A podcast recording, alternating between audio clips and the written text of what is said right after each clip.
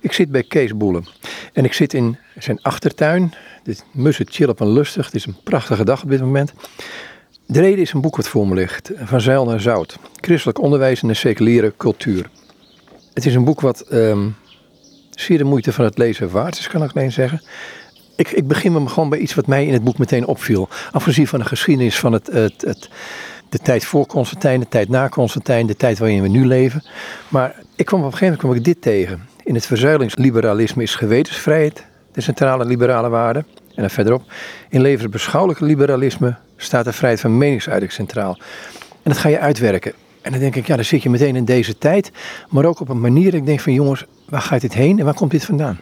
Ja, daarmee zitten we meteen wel in eh, een heel uh, essentieel thema. We hebben de mond vol in deze tijd van vrijheid en gelijkheid. Dat zijn uh, begrippen die we uit de verlichting hebben geplukt, die heel dominant zijn. Iedereen is gelijk, iedereen moet vrij zijn. Maar daar zit een probleem. Want als iedereen gelijk is, en er is geen norm meer, ni dieu, ni maître, dan moet die vrijheid en die gelijkheid die moet worden afgedwongen. Dus als iedereen gelijk is, gaat dat vaak ten koste van de vrijheid. En je kunt nooit 100% volledig vrij zijn. Iemand die dat heel erg goed heeft geanalyseerd, is een hoogleraar uit Leiden, Andreas Kinniging, een rechtsfilosoof. En niet een gelovige man overigens, maar die haarscherp uitlegt dat als je afstand neemt van de traditie, diep in Europa verankerd, van het christendom en de Griekse filosofie, en je levert je over aan de vrijheid en de gelijkheid van de verlichting, dan loop je vast. En dat zie je nu gebeuren. De overheid bepaalt met haar neoliberale meerderheid eigenlijk wat die gelijkheid is. En ben jij afwijkend, dan heb jij een probleem. Dus gaat het ten koste van de vrijheid. Dus die begrippen strijden met elkaar. En uh, dat leidt tot problemen. Je zegt eigenlijk, het is, het is een omkering van, um, van waarde, lijkt het wel. Ja, dat kun je eigenlijk wel zo zeggen, ja. ja. En vooral kinderen. Ik kan dat boek erg aanbevelen. De maat.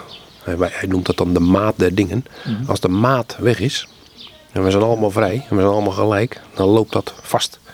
En dat zie je dus een gebrek aan tolerantie naar minderheden. Onder andere de christelijke minderheid. En uh, daarmee zitten we in, een, in een, een, groot probleem in de huidige cultuur. Maar wat is dan de rol van het geweten nog? Hè? Ja, inderdaad, het geweten, dat is natuurlijk iets, iets, iets, iets. Het betekent letterlijk con, hè, conscientie, medeweten. Tegenwoordig hebben we het heel erg over kennis, innovatie, uh, wetenschap. Dankzij de wetenschap kunnen we de coronacrisis te lijf. Maar is er ook nog iets, iets diepers? Het medeweten van het geweten. Ik heb dat als onderwijsbestuurder ook vaak benadrukt de afgelopen jaren. Wij doen heel veel aan dat wat studenten moeten weten. Moet ook, hè, als je ze opleidt voor een beroep of een ambt. Maar die laag daaronder. Wat, wat, hoe zit het met het geweten?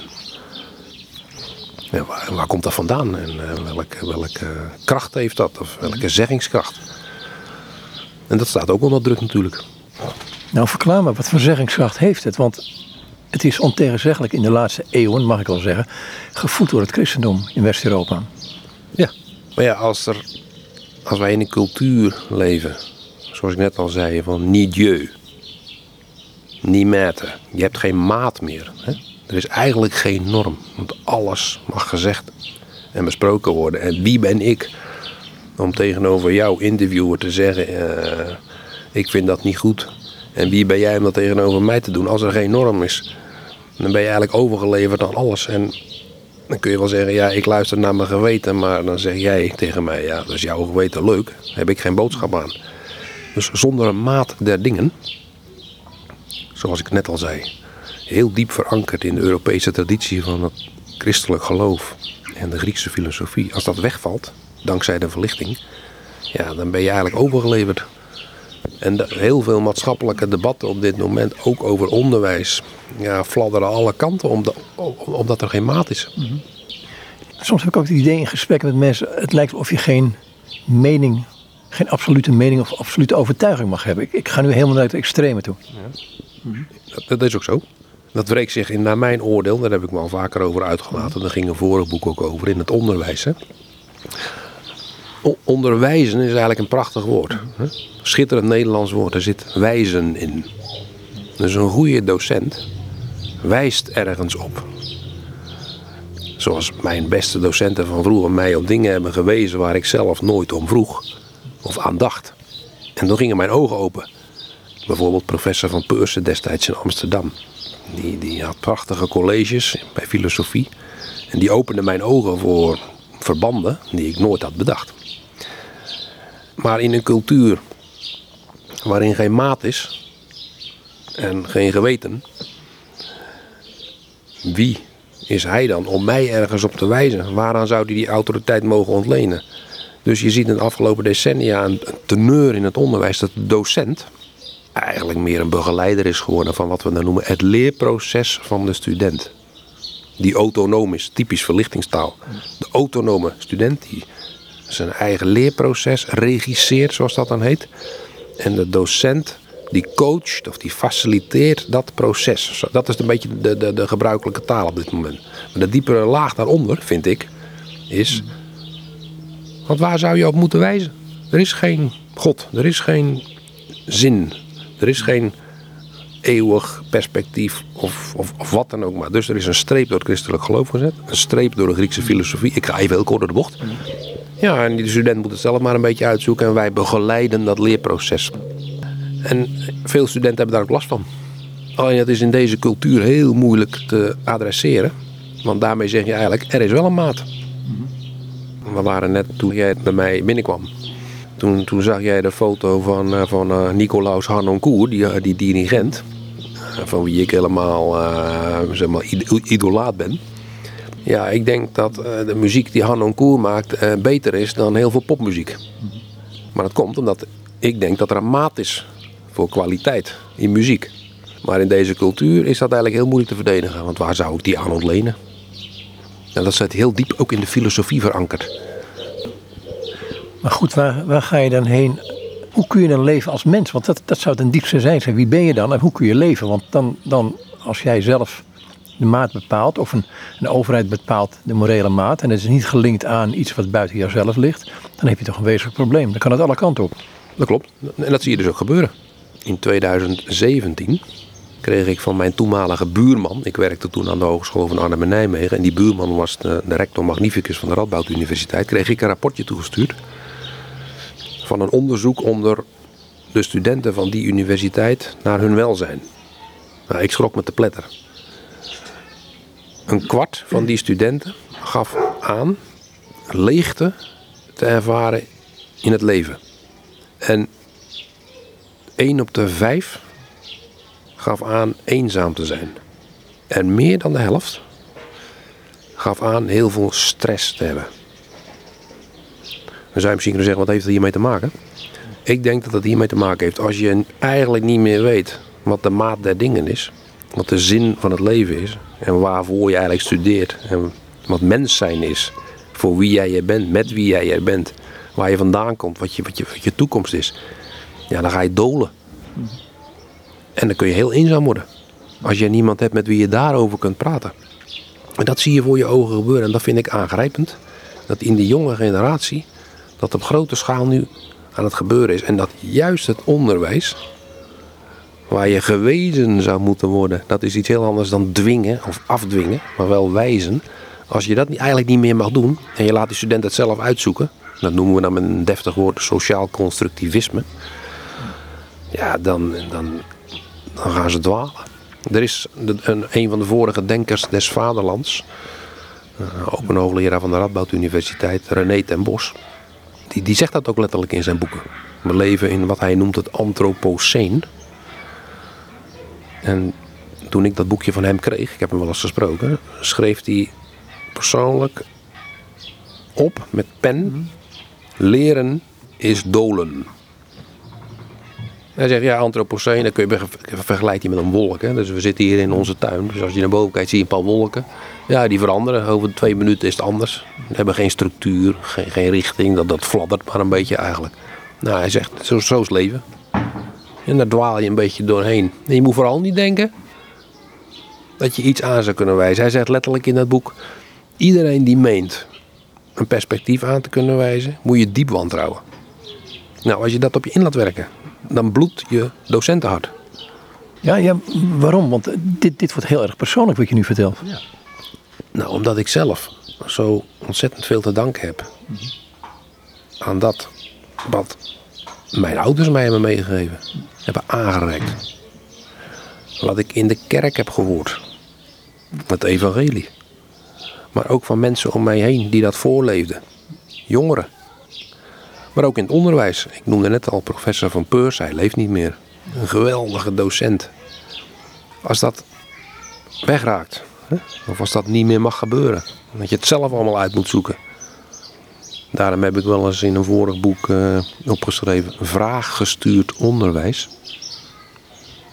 Is eigenlijk een contradictio in terminus, een innerlijke tegenstrijdigheid. Mhm. Wijzen, dat gebeurt juist als ik er niet om vraag. En doordat ik ergens op word geattendeerd, leer ik ook nieuw kijken. Dat doet de kunst bijvoorbeeld ook. Die leert jou kijken.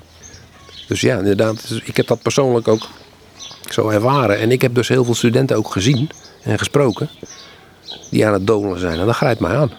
En dat kan ik me helemaal voorstellen. Er zit ook nog een ander aspect, maar die ga ik een dwarsstraat in. Maar is het aspect van, ehm, vooral nu met die, in die coronacrisis, het beleid eromheen noem ik het altijd, achter een schermpje zitten, wat ook vereenzamend werkt, denk ik. Maar er zit ook nog iets anders bij. Dat is het feit dat, ehm, dat het lijkt, en dat, daar hebben de digitale media wel degelijk mee te maken, van wat ik wil moet nu kunnen. dus die, die trage groei van een eik, het, het, leven wat ook traag is in, in het onderwijs, ehm, dat aspect. Ja, nou, dat zeg je heel treffend. Dat ben ik volledig met je eens.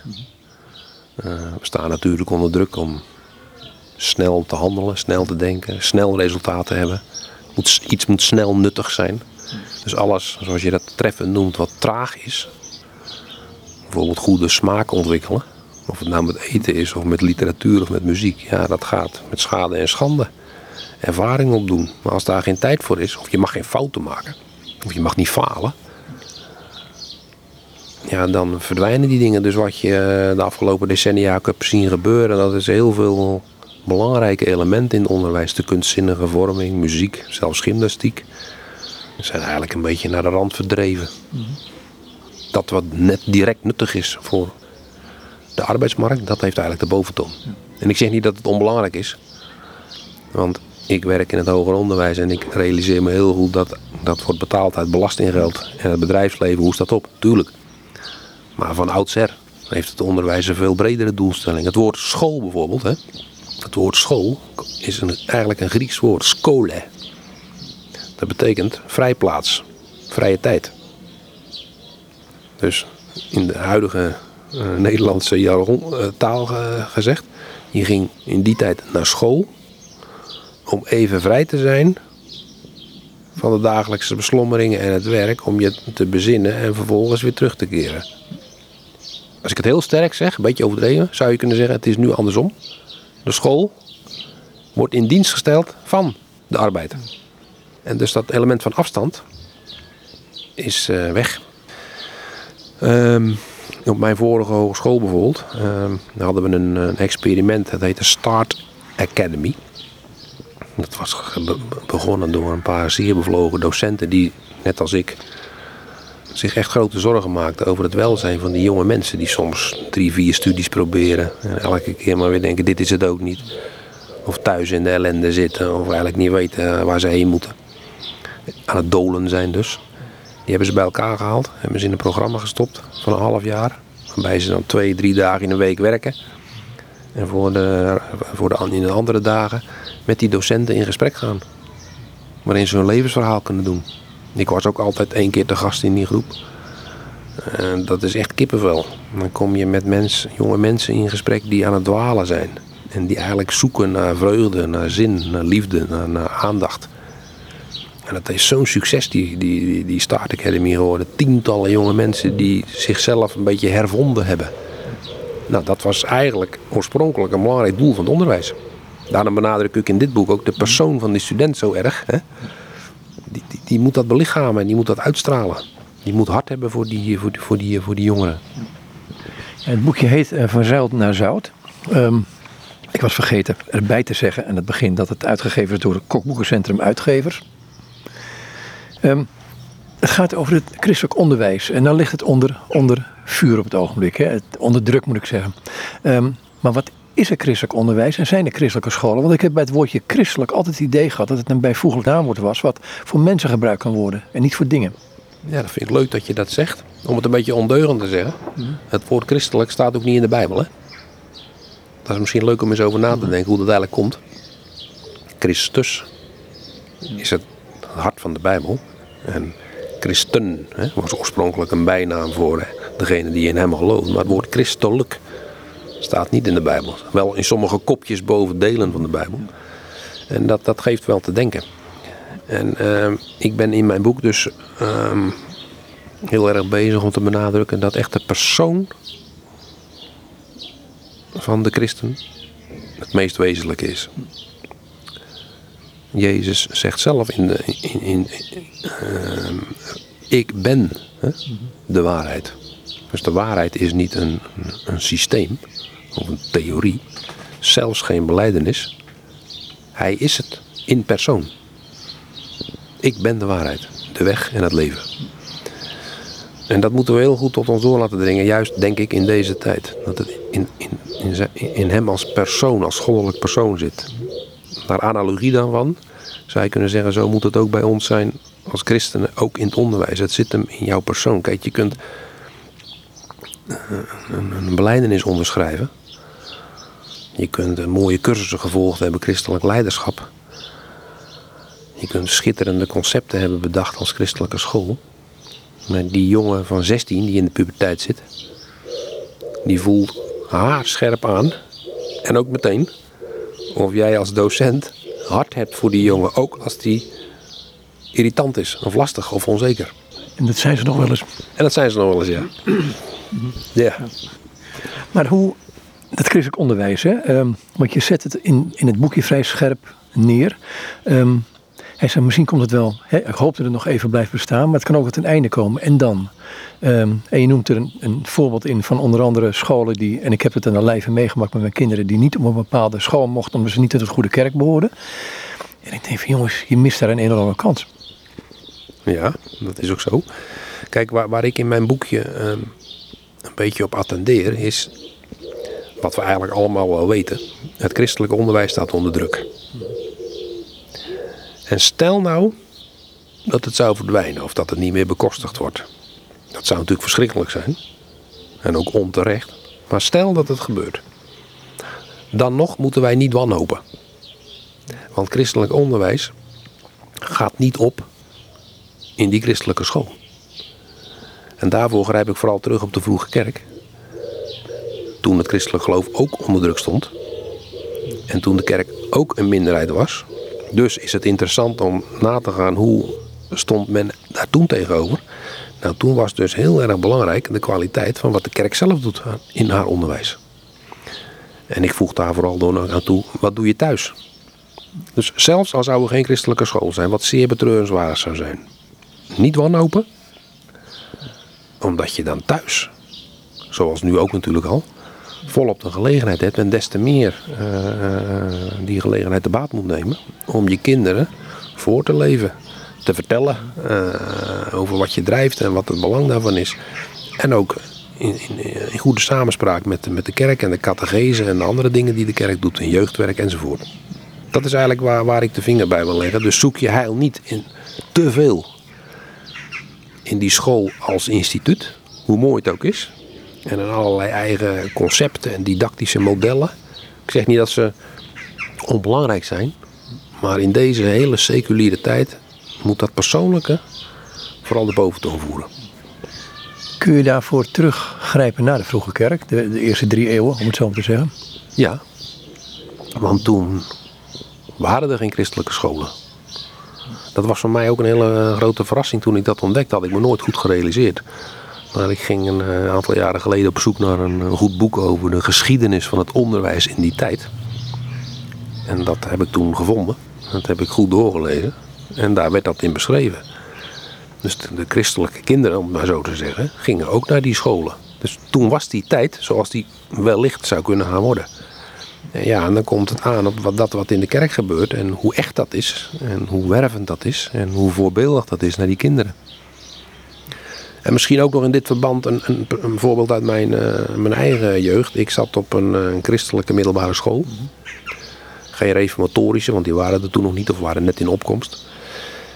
Als ik me goed herinner tenminste. Um, en nou, niet heel veel leraren uit die school gingen heel actief naar de kerk. De directeur denk ik wel. Uh, ook heel veel leerlingen niet. Dus daar voelde ik soms al iets van afstand. En toen was er een wiskundeleraar. Die overigens heel goed wiskunde kon geven. En als hij ons had in het eerste uur. Dan was het gebruikelijk om een dagopening te doen. En ik herinner me nog heel levendig de bijzondere manier waarop hij dat deed. Dus hij las niet plichtmatig dat stukje uit de Bijbel of het dagboek. Hij sprak ook niet plichtmatig een gebed uit. Maar hij kleurde soms zelf echt rood van enthousiasme voor het evangelie en wat hij net in de Bijbel gelezen had. En daar vertelde hij nog wat over. En hij deed een appel op ons. Niet dwingend, hè, maar onderwijzend zou je kunnen zeggen, maar ook gunnend. En dat maakte diepe indruk op mij. Je merkte, bij die man is het echt. Dat is me altijd bijgebleven. En dat blijf je veel meer bij dan die man die volgens de statuten van de school precies netjes doet wat er moet gebeuren. Nou, ik denk dat zoiets in deze tijd voor jongeren ongelooflijk belangrijk is. Zoals dat dus in de vroege kerk ook was. Want ja, je zou nu maar 16 jaar zijn. En gaan werken of studeren in die cultuur die door en door seculier is. En je hebt weinig uh, maatjes in je directe omgeving. Het is ontzettend belangrijk dat je van dit soort persoonlijke uh, persoonlijkheden om je heen hebt die jou inspireren. Ja, ik, ik denk altijd je dwarsliggers nodig om een spoor te trekken op een gegeven moment. Dat klopt, ja. Ja, ja. ja dat is ook zo. Ja.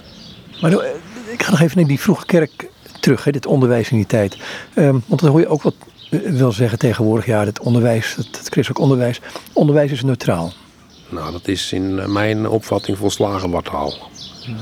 Ik sprak net al over het wijzen. Een goede onderwijzer wijst. Nou, dat is nooit neutraal. Kan helemaal niet. Want waarom wijs ik op die boom daar? Ik vind die boom mooi. hoe komt dat? Ja, misschien omdat ik ooit iets heb meegekregen over waarom bomen zo bijzonder zijn. Dus dat zit altijd in je eigen biografie, in je opvatting, in je geloof. Ik wijs niet op iets anders. Dus een wijze is altijd persoonlijk, is altijd, uh, komt ergens vandaan. Neutraal onderwijs bestaat niet, dat is, dat is uh, wartaal. Uh, en ik weet goed wat ik zeg hoor, want in Den Haag wordt het veel, wel veel gedacht. Onderwijs moet neutraal zijn. Dat kan helemaal niet. 1 plus 1 is 2. Ja, de, zelfs kun je daar nog over discussiëren. Want ik, toen ik ooit filosofie studeerde, maakte ik kennis met de Chinese wiskunde, om maar eens wat te noemen. En uh, daar heb je iets wat men noemt de fuzzy logica. Ja, dus wij hebben in het Westen hebben we een typische cultuur van binariteit. Het is waar of onwaar. 0, 1. Maar dat is een Aziatische cultuur en een Afrikaanse cultuur al heel anders. Dus zelfs dat kun je al in twijfel trekken geeft al iets aan over hoe wij gedrenkt zijn in een, uh, in een vrij platte manier van denken. Waardoor, waardoor je weinig gevoel hebt voor het ambiguë en het dubbelzinnige. Ja. Maar goed, dan sta je als, als jongere dolend. Je staat als christen. Ja, laat me aannemen dat, dat daar jongeren zijn die christen zijn, die in deze cultuur terechtkomen. Um, ja, hoe ga je daar nou mee om? Want je komt dan in banen terecht of in situaties terecht. Waar ik denk van ja, um, wat, wordt, wat wordt er dan van je gevraagd? Want we komen eigenlijk uit een soort. Ja, ik wil niet zeggen dat Nederland een christelijk land is geweest, want dat vind ik weer te ver gaan. Maar uh, het was toch algemeen geaccepteerd voor grote, in grote delen. Nou, eigenlijk, uh, zoals het ook in de vroege kerk was, de christenen vielen vooral op door hun levensstijl. Ze stonden niet opzichtig te evangeliseren bijvoorbeeld. Ze hadden ook niet heel grote verhalen, daar moest je zelfs mee uitkijken. Maar ze vielen op door hun moraal. Uh, door hun aandacht voor de zwakken in de samenleving. Hoe ze omgingen met slaven. Dus door je manier van leven kun je misschien wel meer uitstralen en zeggen dan in, in mooie teksten. ik refereer ook aan, aan een vroegkerkelijk geschrift. Het is niet helemaal duidelijk wie het heeft geschreven. En zelfs niet aan wie het was gericht. Het wordt, heet weliswaar brief aan Diognetus. Het is niet helemaal duidelijk wie dat is geweest. Het is een mooie vertaling wat je nu gaat lezen van Michiel op de Koel, hè? Ja, klopt. Ja, precies. Ja. En ehm, ik vind die tekst heel bijzonder, eigenlijk een juweel. Uh, waarin gezegd wordt wat ik net eigenlijk kort samenvat. Uh, christenen onderscheiden zich niet door land, taal of gewoonten van de rest van de mensen. Het is niet zo dat zij ergens eigen steden bewonen, zich van een apart dialect bedienen of een uitzonderlijk leven leiden. Ik verzeker je, wat zij leren is niet ontdekt met scherp nadenken of door de onderzoeksijver van nieuwsgierige mensen. En niet zijn ze, als zoveel anderen, de verdedigers van een zomaar menselijke leer. Ze wonen in Griekse en niet-Griekse steden, al naar gelang het lot dat ieder van hen is toebedeeld. En hoewel zij de plaatselijke gewoonten volgen in kleding, voedsel en overige levensonderhoud, leggen zij op wonderlijke en paradoxale wijze getuigenis af van de aard van hun burgerschap. Ze wonen ieder in hun eigen vaderland, maar verblijven daar tijdelijk. Ze nemen overal aan deel als burgers en zij verdragen alles als vreemdelingen. En dan komt het, als ik dat even zeggen mag, het mooiste zinnetje uit deze brief. Elk land in den vreemde is hun vaderland. En elk vaderland is hun vreemd. Dan gaat de brief verder. Ze trouwen zoals iedereen. Ze krijgen kinderen, maar ze leggen hun pasgeboren niet de vondeling. Ze delen dezelfde tafel, maar niet hetzelfde bed. Ze zijn in deze wereld, maar ze laten zich niet leiden door de wereld. Ze brengen op aarde hun leven door, maar hebben burgerrecht in de hemel. Ze gehoorzamen de wetten die vastgelegd zijn, maar met hun eigen leven zijn ze aan de wet superieur. Naar allen gaat hun liefde uit. En door allen worden ze vervolgd. Om het in een paar woorden te zeggen, wat de ziel is in het lichaam, dat zijn de christenen in de wereld. De ziel is verspreid over alle ledematen van het lichaam. Evenzo de christenen over de steden van de wereld. De ziel woont in het lichaam. Evenzo de christenen. Zij wonen in de wereld, maar zijn niet van de wereld. Onzichtbaar wordt de ziel in het lichaam vastgehouden. Zo ook de christenen. Men ziet dat zij in de wereld zijn, maar hun godsverering blijft onzichtbaar. Het lichaam heeft een afkeer van de ziel en gaat, ofschoon het geen enkel onrecht leidt, de strijd met haar aan, enkel omdat het in zijn genietingen wordt gehinderd. Zo ondervindt ook de wereld geen enkel onrecht van de christenen, maar haat zij hen omdat zij van de genietingen van de wereld afstand nemen. Tot zover. Ja, dat is ook een van de, van de dingen die in het boekje naar voren komt, is dat de situatie zoals die tegenwoordig is, um, want je kunt het heel erg toepassen op nu dit. Tegelijkertijd ehm, is de ziel, dat noemt hij uit de psychologie verdwenen, gek genoeg. Um, maar je hebt ook zoiets als nou, het geloof, het, het christen zijn moet maar voor de, voor de huiskamer zijn, dat, niet voor de publieke ruimte. Dit soort dingen. Ja, dat wordt natuurlijk tegenwoordig heel vaak gezegd. Uh, en dat heeft natuurlijk heel erg te maken met waar we in het begin van het gesprek over hadden. Dat verlichtingsidee. Alles en iedereen is gelijk en alles en iedereen is vrij. Er is geen maat. Dus je mag niet met jouw overtuiging uh, het publieke discours bezoedelen, om het maar even zo te zeggen. Uh, dus dat moet uh, thuis blijven. Nou ja, als je in zo'n cultuur leeft, dan heb je daar natuurlijk wel toe te verhouden. Maar dan kun je dus wel door je levensstijl toch iets zeggen. En ik denk dat dat misschien voor jongeren iets heel belangrijks is in deze tijd. En dat ze op die manier misschien kunnen worden gestimuleerd om in deze seculiere cultuur toch iets te tonen, uit te dragen van hun geloof. Maar goed, dat zeg je al, hun geloof uh, betekent dat hun levensstijl, hun levensstijl gekoppeld is aan hun geloof. En een godsbeeld wat ze hebben, een, een geloof in God, en een, misschien wel een relatie met God. Het betekent dat die zingeving enorm wezenlijk wordt. Waar halen ze die zingeving vandaan?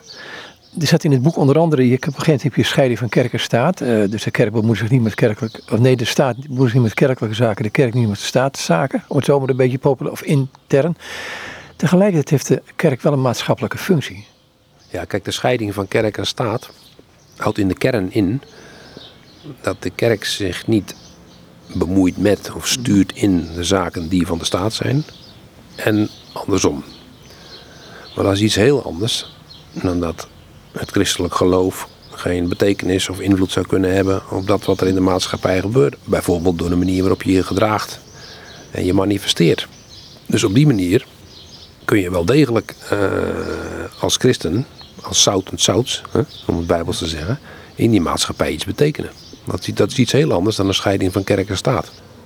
En dan geef je terug naar die jongeren, die zingeving. Zegt, ze zijn dolend, uh, ze hebben behoefte aan zingeving. Um, dan komen ze op een wat gebeurt is in Eindhoven, noem je in het boekje. Dat, dat choqueerde mij wel. Dat in dag 2016 uit mijn hoofd een christelijke studentenvereniging geen subsidie meer kreeg. In Oxford is hetzelfde gebeurd. Dat is natuurlijk alarmerend. Ja, dat is heel, heel veelzeggend voor dat wat ik in mijn boek betoog. Dat dus het bestuur van een universiteit, in dit geval in Eindhoven, zegt... nou, wij stellen geld ter beschikking voor studentenverenigingen. Dit is een christelijke vereniging. Die is dus niet neutraal. Dus die gaan wij niet meer financieren. Alsof de anderen wel neutraal zijn. Is natuurlijk niet zo. Maar dat, dat, is een symptoom, een uiting van dat wat diep in de cultuur uh, zit verankerd. Ja, het heeft ook niet heel veel zin om daartegen te gaan vechten. Je kunt de redenering uh, ontkrachten. Maar het illustreert wel het patroon waarin, wij nu uh, terechtgekomen zijn. Er is in het boek heb je een stuk opgenomen van Karl Barth. Zou dat ook kunnen lezen? Want misschien gaan we dan een andere, even nog een andere kant op. Ja, ik, inderdaad. Ik, ik heb een citaat van Karl Barth opgenomen uit 1936. Uh, dus vrij kort voor de Tweede Wereldoorlog. Waarin hij eigenlijk uh, uh, waarschuwt voor verwereldlijking van de kerk.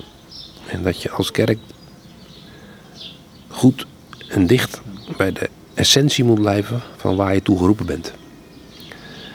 Ehm, dus om een paar zinnen daaruit te citeren. De kerk hield het na de eerste eeuwen van haar bestaan niet meer uit om de dwaze minderheid te zijn. Zij wilde niet meer lijden en vergat dat haar tijd, de tijd tussen de hemelvaart en de wederkomst van Jezus Christus, en dus een van een begin naar een einde lopende, een korte tijd is, waarin de gevangenen van Gods vrije genade wel een reizen maar geen verwijlen.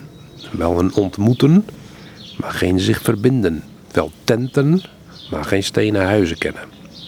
En zo gaat hij voort met dat citaat. En dat vind ik heel belangrijk, wat ook in deze tijd opnieuw gezegd zou moeten worden. En dat is ook heel bijbels. Je bent hier tijdelijk.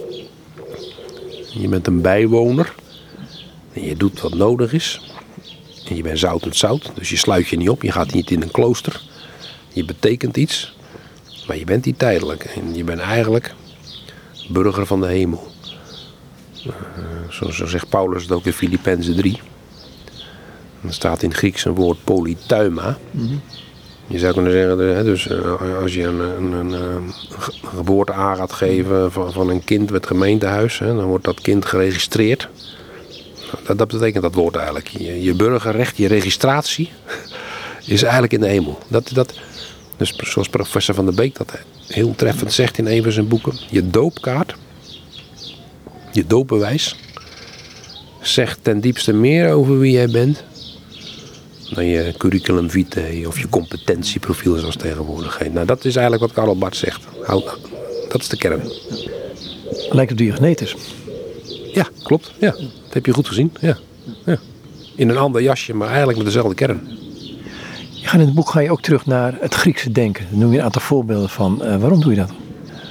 Nou, ik heb uh, dus uh, naast economie ooit filosofie gestudeerd. Dus ik vind dat sowieso al interessant.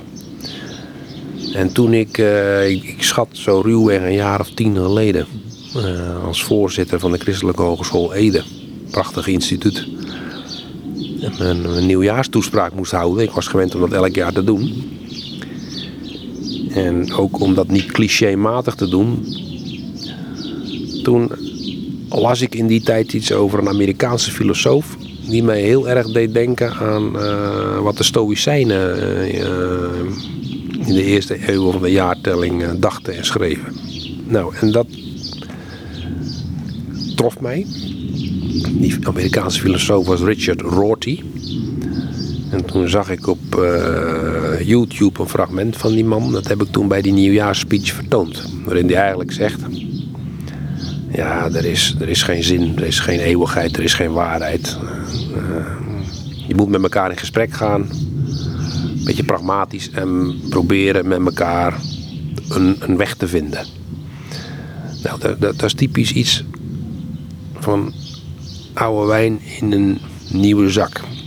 En dat was het begin dat ik daar meer over ben gaan lezen. En toen dacht ik, hé, naarmate ik er meer over las, ik heb die boeken ook in het origineel hier, weliswaar in vertaling, maar in mijn kast staan. Van die Stoïcijnen en van die Epicureërs en noem ze allemaal maar op. En als je dat dan leest, dan lijkt het net alsof je het levensgevoel van de, van de huidige cultuur eigenlijk weer tegenkomt. En dat, ja, zo ben ik door gaan denken. En toen dacht ik, hé, hey, is het niet alleen zo dat we net als toen een minderheid zijn geworden als christenen. Maar is het ook niet zo dat het klimaat waarin we dat zijn geworden eigenlijk heel sterk begint te lijken op, op toen? Neem je dan, is het zo dat in deze, in deze tijd van christen zijn er een heleboel, wat je ook wel merkt, elementen vanuit het Griekse uh, denken, die Griekse filosofie moet ik zeggen, meegenomen worden en als christelijk geponeerd worden? Uh, ja, dat gebeurt ook wel.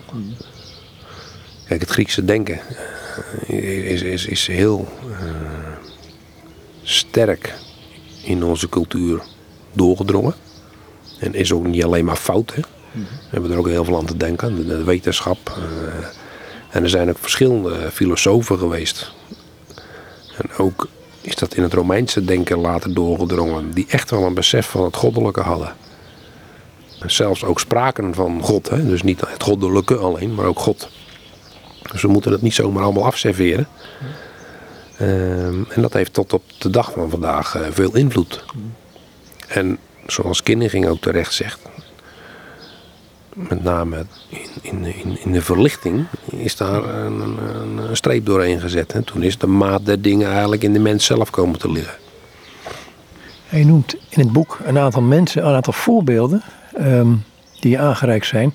Van mensen die vertellen hoe ze met het, onder andere de zinloosheid, maar ook uh, jezelf beter leren kennen. Uh, je zoek gaan naar jezelf, diep in jezelf. Uh, de stilte, ik noem maar meer van die dingen die heel populair kunnen zijn. Ja, dat klopt. Dat zit natuurlijk. Kijk, we spraken net over het onderwijs en de studenten. Dat het moderne discours eigenlijk is, die student moet zelf zijn waarheid en, en, zijn, en zijn zin en betekenis vinden. En de docent die coacht dat proces.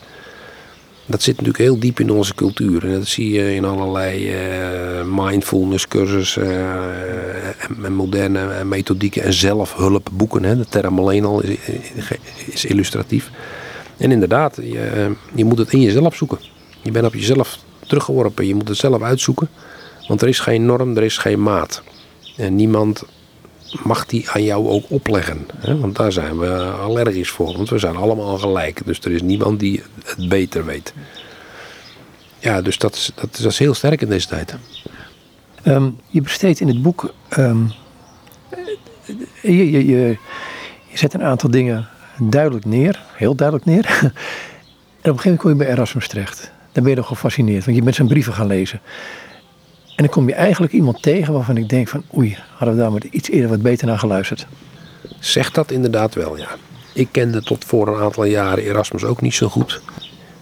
Groot man in de Nederlandse geschiedenis, maar ik had ergens in mijn systeem, ja, toen met Luther, dat zat niet helemaal goed. Hè. Dus uh, en op een gegeven moment heb ik een biografie van hem gelezen.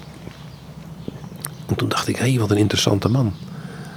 En toen ging ik het verzameld werk, wat opnieuw uh, vertaald is in het Nederlands, ging ik lezen. En inderdaad, zoals je zei, de brieven. Die zijn uh, in twintig dikke delen prachtig uitgegeven en verschenen. Die heb ik de afgelopen jaren allemaal doorgelezen. Ja, en ik vind dat werkelijk ongelooflijk wat die man eh, allemaal heeft gedaan vanuit een diep christelijk geloof. En vanuit een diepe liefde voor God, voor Christus, voor de kerk, voor de eenheid van de kerk. Het Nieuwe Testament vertaald, heel veel kerkvaders uitgegeven. Het is onwaarschijnlijk. De brieven van Hieronymus, uh, Augustinus, uh, noem ze allemaal maar op. Een heel groot man. En hij heeft ook door heel Europa heeft hij, rondgezworven. Waar hij maar kon, was hij hiermee bezig. Ehm, het is fascinerend om te lezen. Dus de schellen vielen mij van de ogen. En voor mij staat hij ook een beetje symbool van wat ik eigenlijk bepleit. Namelijk het persoonlijke, een brede kennis enzovoort enzovoort. Maar hij, hij is ook de man die. Um, um, anders dan Luther. Luther was, ja, die ging er niet met gestrekt been in. Maar goed, die, die, die wist wat hij, wat hij deed op een gegeven moment. Alhoewel ik me dat wel eens afvraag. Um, hij probeert het bij elkaar te houden. En tegelijkertijd heeft hij zoiets van. Ik noem het even. lach het zo van. Uh, je bent visser en je, je moet lid worden van een vissersclub. Dat wilde hij ook weer niet. Dat klopt, ja. ja Erasmus had een, een, een diepe weerzin tegen partijschappen. Mm -hmm. Hij vond dat ook onbijbels. Hè. De Bijbel waarschuwt daar ook heel erg tegen. Ik ben van Apollos, ik van Kefas en ik van Christus. Dus Erasmus eh, was heel erg doordrongen van de noodzaak van de eenheid van de kerk. Daar heeft hij ook heel zijn leven voor gestreden. En ook aan geleden, als de kerk ernaast zat. Maar hij kon niet de stap meemaken van Luther om die ene kerk te verlaten.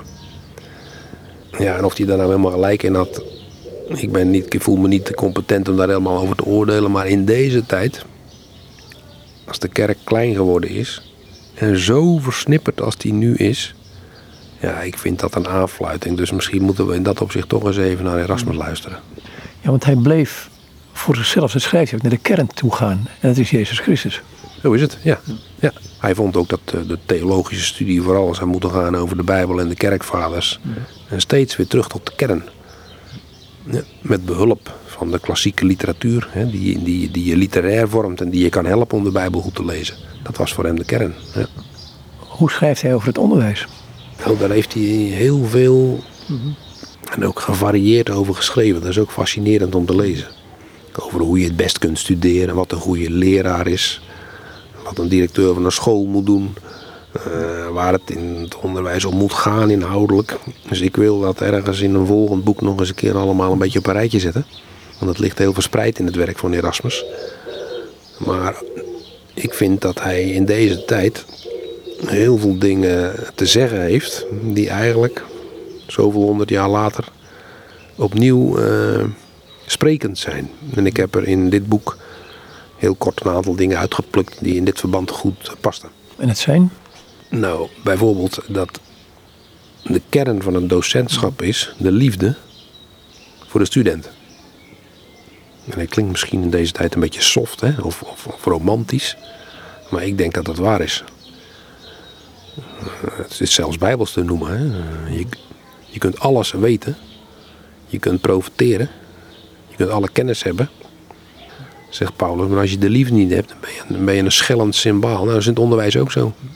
Je kan heel intelligent zijn en je kan alles weten van je vak. Maar als je geen liefde hebt voor die leerling of die student, ja, dat is gewoon niks. Nou, daar was Erasmus diep van doordrongen. Daarmee sloot hij ook aan op Augustinus. Dan gaat hij ook uitwerken wat dat betekent. Hè. Wat, wat sta je dan te doen uh, in die klas en hoe ga je ermee om? Nou, bijvoorbeeld niet al te veel slaan. Dat was in die tijd heel gebruikelijk. Hè. Nou, hij onderscheidt ook verschillende rollen van de docent. Dat is ook heel interessant. Bijvoorbeeld de formator.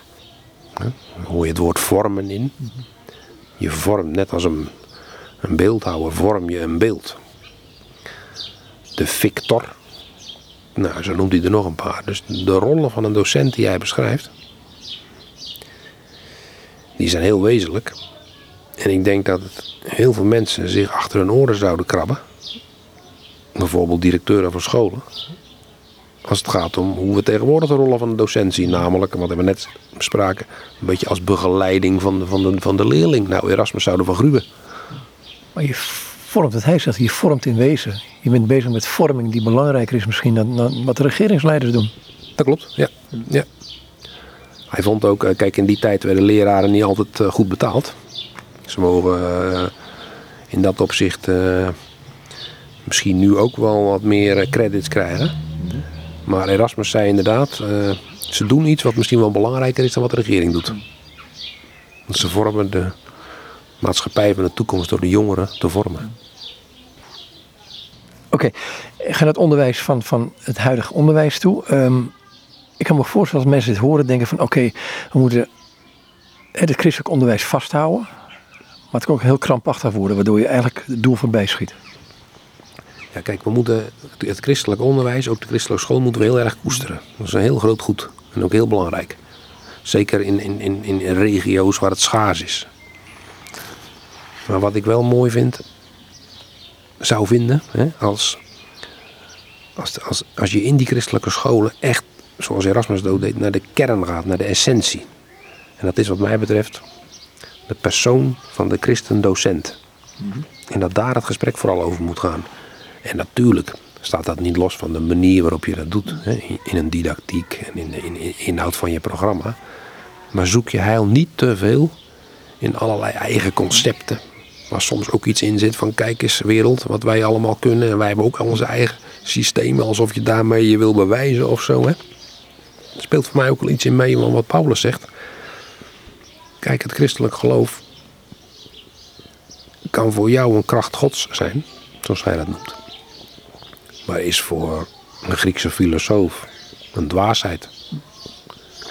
Geloof jij in een God die zich laat kruisigen en die mens wordt? Dat was voor menige Griekse denker uh, waanzinnige gedachte. En voor anderen is het een ergernis. Nou, dat zien we in deze tijd ook. Um, dus kijk uit om krampachtig te proberen heel erg acceptabel te maken en aannemelijk wat je doet. Hè? Want in de kern kan het toch ook iets van een dwaasheid zijn. Mm. Dus zoek het nou meer in dat persoonlijke. En spreek elkaar daarop aan. En zet in op die liefde voor die leerling. En voor de kerk en voor de Heer Jezus. En straal dat uit. Zoals die wiskundeleraar waar ik over sprak in mijn jeugd. Dan kun je, kun je al die mooie waarden kun je in de praktijk brengen en toch Jezus Christus uit het oog verliezen. Dat zou kunnen, ja. Uh, dat is altijd een risico, dat je heel druk bent met ja, de dingen aan de buitenkant. En dat je de kern, zijn naam, hem als persoon, uit het oog verliest. Dat klopt, daar moet je altijd erg voor uitkijken. Maar is dat niet wat ook in het christelijk onderwijs naar binnen is geslopen? Misschien in de kerk ook wel? Mm, dat zou kunnen, daar wil ik heel voorzichtig in zijn. Want daar zomaar in, in, in de algemene zin een uitspraak over te doen, dat, dat, zou wel heel pretentieus zijn. Het is wel een risico waar je je van bewust moet zijn. Ja, laat ik het daarbij houden. Ja. Nou, het gaat me niet om de beschuldiging. Het gaat meer om het feit van dat je soms ehm, ehm, de neiging hebt te denken dat je goed bezig bent, zinvol bezig bent, terwijl je misschien de essentie uit het oog verloren hebt. Voor jezelf gaat het dan. Ja. Nou, in dat opzicht wil ik wel een voorbeeld noemen van wat je ziet op de Erasmus Universiteit, waar ik ook eh, destijds gestudeerd heb en gepromoveerd ben. Die heeft een prachtige naam, hè? Erasmus Universiteit. Misschien wel de mooiste naam van alle universiteiten in Nederland. Tenminste, als je het werk van Erasmus kent. Als je nou kijkt op de website van die universiteit, en de manier waarop men daar over Erasmus spreekt. En wat men van hem noemt. En welke draai men daaraan geeft. Ja, dat heeft niks meer te maken met dat wat Erasmus ten diepste dreef. Namelijk wat hij zelf noemt de philosophia Christi. Het ging om Christus voor hem. Ja, dat heeft die, die Erasmus Universiteit systematisch eruit geschreven. En dus dan gaat het een beetje vaag over waarden en tolerantie enzovoort. En daar wordt Erasmus dan vaak voor gebruikt, om niet te zeggen misbruikt. Dus daar, daar vind ik een mooi treffend voorbeeld van wat jij zegt. Als je de kern uit het oog verliest en eh, je gaat het een beetje aan de rand zoeken. En dan kun je zelfs over de rand raken. Ik ga terug naar het begin van het gesprek over die vrijheid van geweten en vrijheid van meningsuiting. Um, waar kan het naartoe leiden? Waar kan, het, kan dit heen leiden? die, die, vooral die, vrijheid van meningsuiting, die gelijkheid. Um, dat iedereen vrij is om zijn mening te uiten. Waar kan het heen leiden uiteindelijk? Nou, het, het zou ertoe kunnen leiden dat de intolerantie naar degene die die gelijkheidsdefinitie niet onderschrijven, dat die toeneemt. Dat sluit ik niet uit. En dat zou weer kunnen betekenen dat het christelijk onderwijs en de christelijke school echt fors onder druk komen te staan. Die geluiden hoor je hier en daar ook wel eens. Dat zou kunnen, dat sluit ik niet uit. Wat is tolerantie? Nou, ehm, van oorsprong betekent het dat kunnen dragen wat jou onwelgevallig is. Hè? Dus, en dat is iets heel anders dan dat je alles maar moet accepteren. Dus echt iets tolereren, uh, dat gaat wel wat dieper dan we er tegenwoordig over zeggen. De reden om dit boekje te schrijven, wat was die voor jou? Want je zegt, ik heb er tien jaar heel erover gedaan eigenlijk. En, en ik moet nu in een uurtje een paar vragen stellen waardoor ik, waar ik er schijn op hou dat ik het begrepen heb. Maar waarom heb je dit boekje geschreven? Nou, de aanleiding was uh, dat ik graag las over de Romeinse geschiedenis. En dat ik in, in filosofie geïnteresseerd ben. Nu komt er zo'n prachtige helikopter over. Je woont hier in zo'n gebied. Ja, je hoort hem gaan. Ik zit hier uh, op, denken we tenminste, op een, uh, op een oefenroute van Defensie. Dus uh, zo af en toe gaat er een heel laag een, een mooie Apache of Chinook helikopter over ons dorpje. Dat is wel indrukwekkend om dat te zien. Maar goed, ga verder met wat je zeggen wel. Ja. Ehm, dus uit interesse voor de Romeinse tijd en, en de filosofie dacht ik op een gegeven moment, hé, hey, wat ik nou lees over die tijd, daar herken ik heel veel in van, van wat er nu gebeurt. En dat in combinatie met een krimpende kerk, dacht ik van, hé, hey, als je dat op je in laat werken, kunnen wij dan niet iets leren van hoe de vroege kerk daarmee omging? Nou, dat is de bedoeling van dit boek. Hoe kunnen wij in deze tijd zoutend zout zijn, net als toen? En wat is daarvoor nodig? En waar moet je dan je focus op richten? Heb je de term gebruikt naar jongeren toe van dolende jongeren? Wat kunnen we voor hun doen? Nou, ik zou bijna zeggen wat die wiskundeleraar deed toen ik in de klas zat tijdens zijn dagopening. Dus echt laten zien en merken dat je van harte gelooft wat je gelooft. Dat je dat iedereen gunt. En dat je vervolgens je werk heel goed doet, dus dat je gewoon een hele goede leraar bent. Dat is misschien wel de kern. En thuis? Hetzelfde. Dus dat je van harte gelooft dat, dat, dat dat, dat menens is en dat je daar iets van vreugde ook over uitstraalt. En dat je een, een praatpaal bent en een vraagbaak ook voor je kinderen. En, en, en probeert, uh, ja, net als Erasmus uh, dat bepleit in het onderwijs, maar thuis ook te vormen voor, voor, voor die maatschappij. En ik weet uit ervaring hoe ongelooflijk ingewikkeld het is en hoe weinig dat soms lukt voor je gevoel. Maar thuis moet, ook iets zijn van een nest. Hè. Kijk, Augustinus die noemt ergens de kerk, prachtig voorbeeld, um, een nest waarin je als vogel je veren wast voor de eeuwigheid. Nou, zou het nou niet mooi zijn als in zo'n seculiere tijd in ieder geval het ouderlijk huis zo'n soort nest is. Waarin je daar iets van beleeft. Nog één vraag. Uh, het godsbeeld van, van Erasmus. Dat was niet de boeman met het vingertje. Nee, zeker niet. Nee, nee, nee. Hij had een groot besef van de heiligheid van God. Van zijn grootheid. Maar ook hoe hij zich heeft betoond in, in Christus. In dat opzicht was Erasmus eigenlijk heel klassiek.